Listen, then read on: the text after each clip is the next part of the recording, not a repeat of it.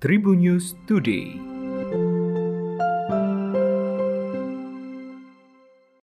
Halo Tribuners, apa kabar? Berjumpa kembali dengan Tribun News Podcast. Mari kita awali episode kali ini dari kabar nasional seperti sebelumnya.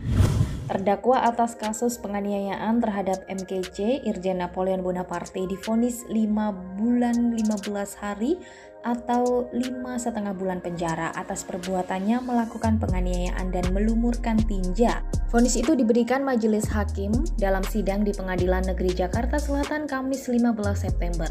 Menurut Napoleon, hukuman lima setengah bulan penjara adalah bukti intervensi hukum. Napoleon menyoroti pasal yang disangkakan kepadanya, Menurutnya, pasal yang seharusnya diberikan kepadanya adalah 352 KUHP tentang penganiayaan ringan dan bukan pasal 351 tentang penganiayaan.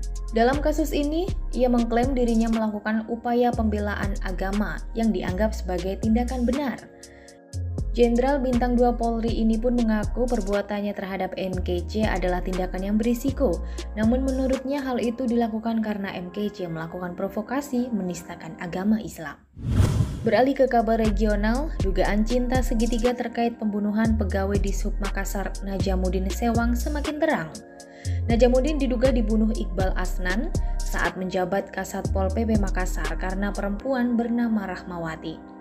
Rahmawati telah membuat pengakuan telah menikah siri dengan Iqbal Asnan sejak 2019.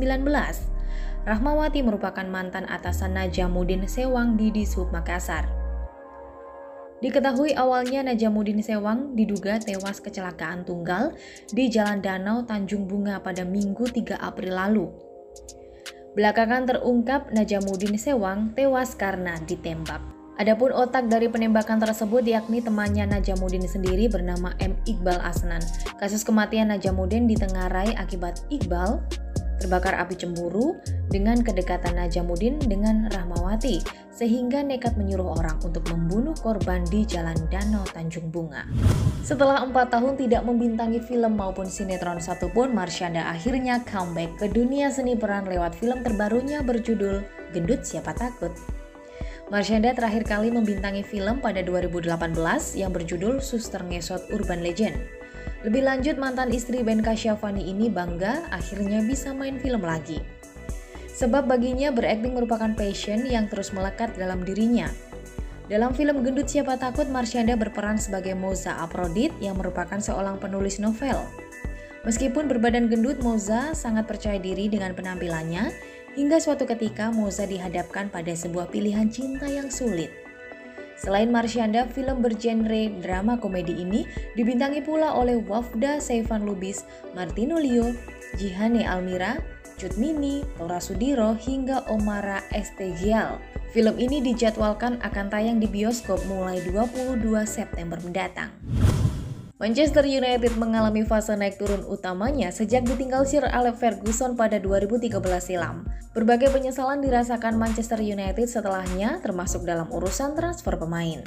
Salah satu penyesalan terbesar yang mungkin dirasakan MU ketika melewatkan kesempatan untuk mendatangkan Erling Haaland.